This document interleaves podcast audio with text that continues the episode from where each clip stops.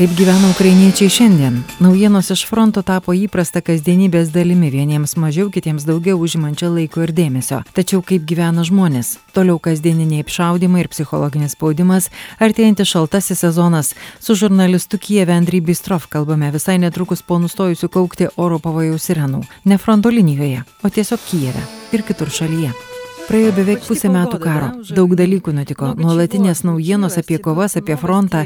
Tačiau kaip ukrainiečiai gyvena ne fronte, kaip jie jaučiasi, kaip elgesi tiesiog mieste. Ну, на самом деле двояко. Люди в городе не так, не так много людей, люди реагируют на тревогу. Dviejopai. Mieste žmonių netiek daug, jie reaguoja į sirenas ir saugosi, jei kyla pavojus. Jaučiasi ir pagal savo aplinką matau, kad žmonės tengiasi padėti savanoriauti ir neprarasti ūpo. Visi, kas ne fronte, dirba visur kitur ir keliauja aišku žmonės vaikšto su vaikais kavinės parduotuvės atidarytos tačiau tai tik išorinis apvalkalas. viduje visai nedžiaugsminga. nes niekada nežinai ko laukti apšaudoma ne tik fronte taip pat ir kiti miestai. Dėl to kad negali pasiekti tikros karinės pergalės rusų armija perėjo prie visiško teroro tiesiog žudo taikius gyventojus kaip pavyzdžiui vinicoje. taiki klinika miesto centras. mikolajeve apšaudyti taikūs kvartalai sugriauti perkrauti du universitetai. Tai paprasčiausiai psichologinis spaudimas ir siekis spausti ukrainiečius, kad šie pasiduotų ir spaustų savo valdžią siekti dėrybų. Tačiau tai nepasiekė tikslo. Tai žmonės tik pykdo ir dar labiau motivuoja. Labai daug ir mūsų blogerių, influencerių ragina, kad jūs žmonės tą savo pyktį ir energiją nukreipkite į pagalbą armijai, kad ši pykčio energija nebūtų be krypties ir veltui, bet būtų toji, kuri padeda bendram reikalui ir frontui. Azovo kovotojų likimas Rusijoje ji paskelbti teroristais. Tai leidžia su jais daryti praktiškai, ką nori. Dalis apskritai tiesiog susprogdinti, kaip į tai reaguoja Ukrainos žmonės. А, Да, это очень, э, э, конечно, это ну, такое б- болезненное tai labai skausmingas teroristinis aktas nes pagal pranešimus dalį belaisvių prieš visus tarptautinius susitarimus tiesiog sudegino ten kur jie buvo laikomi toje kolonijoje. Kas tik dar kartą patvirtina kad su rusija jokie pokalbiai ir susitarimai net kai tai liečia grynai karinius veiksmus kaip belaisviai ar apsikeitimas belaisviais yra neįmanomi. Deja tai vyksta. Peržengia visus supratimo standartus ir tai labai skaudu.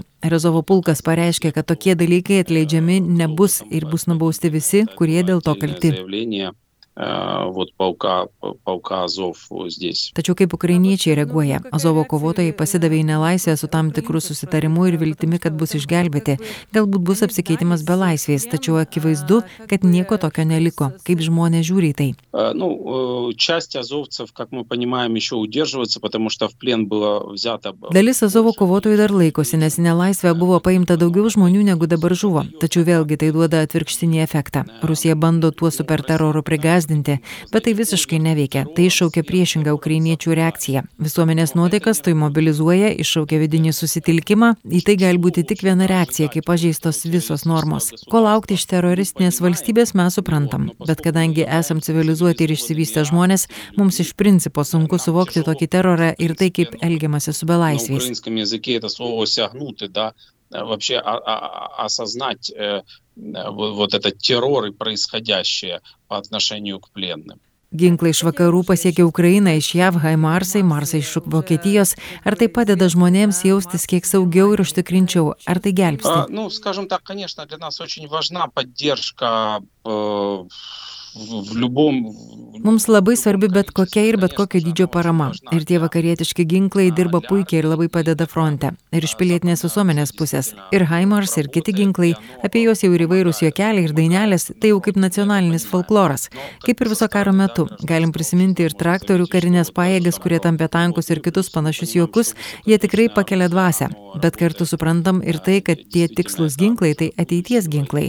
Ir rusai su savo pasenusią ginkluotę neturi ko ko priešpastatyti karinė prasme jiems.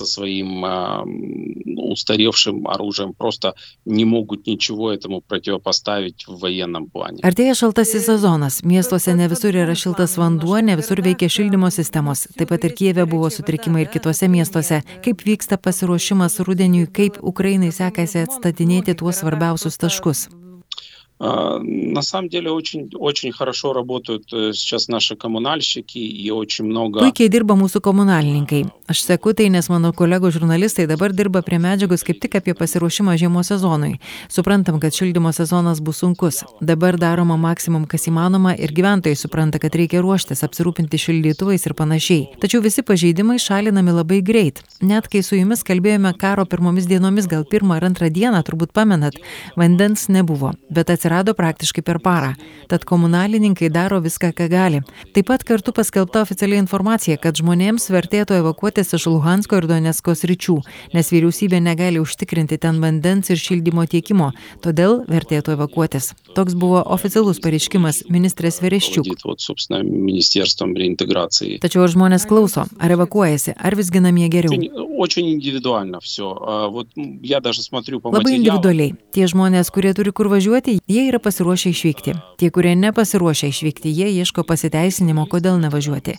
Nes tai jų žemė, jų namas, kas jų ten laukia kur nors. Gerai, jeigu yra giminaičiai ir yra kur apsistoti. Tačiau žmonės nenori gyventi neaiškiomis sąlygomis, neaišku kur. Tai irgi galima suprasti. Это их, их тоже можно понять это тоже, ну, tяжело психологически. Tačiau suprantu, kad ukrainiečiai dvasios nepraranda. Однозначно нет. Мы даже вот сегодня с, с коллегами говорили. Vienareikšmiškai ne. Mes su kolegomis ruošiame medžiagą, nes 24 dieną bus pusę metų, lygiai šeši mėnesiai nuo karo pradžios. Su kolegomis kalbėjome, ką labiausiai kas nustebino per tą pusmetį. Buvo įvairių nuomonių. Mane labiausiai nustebino ukrainiečių tvirtybė.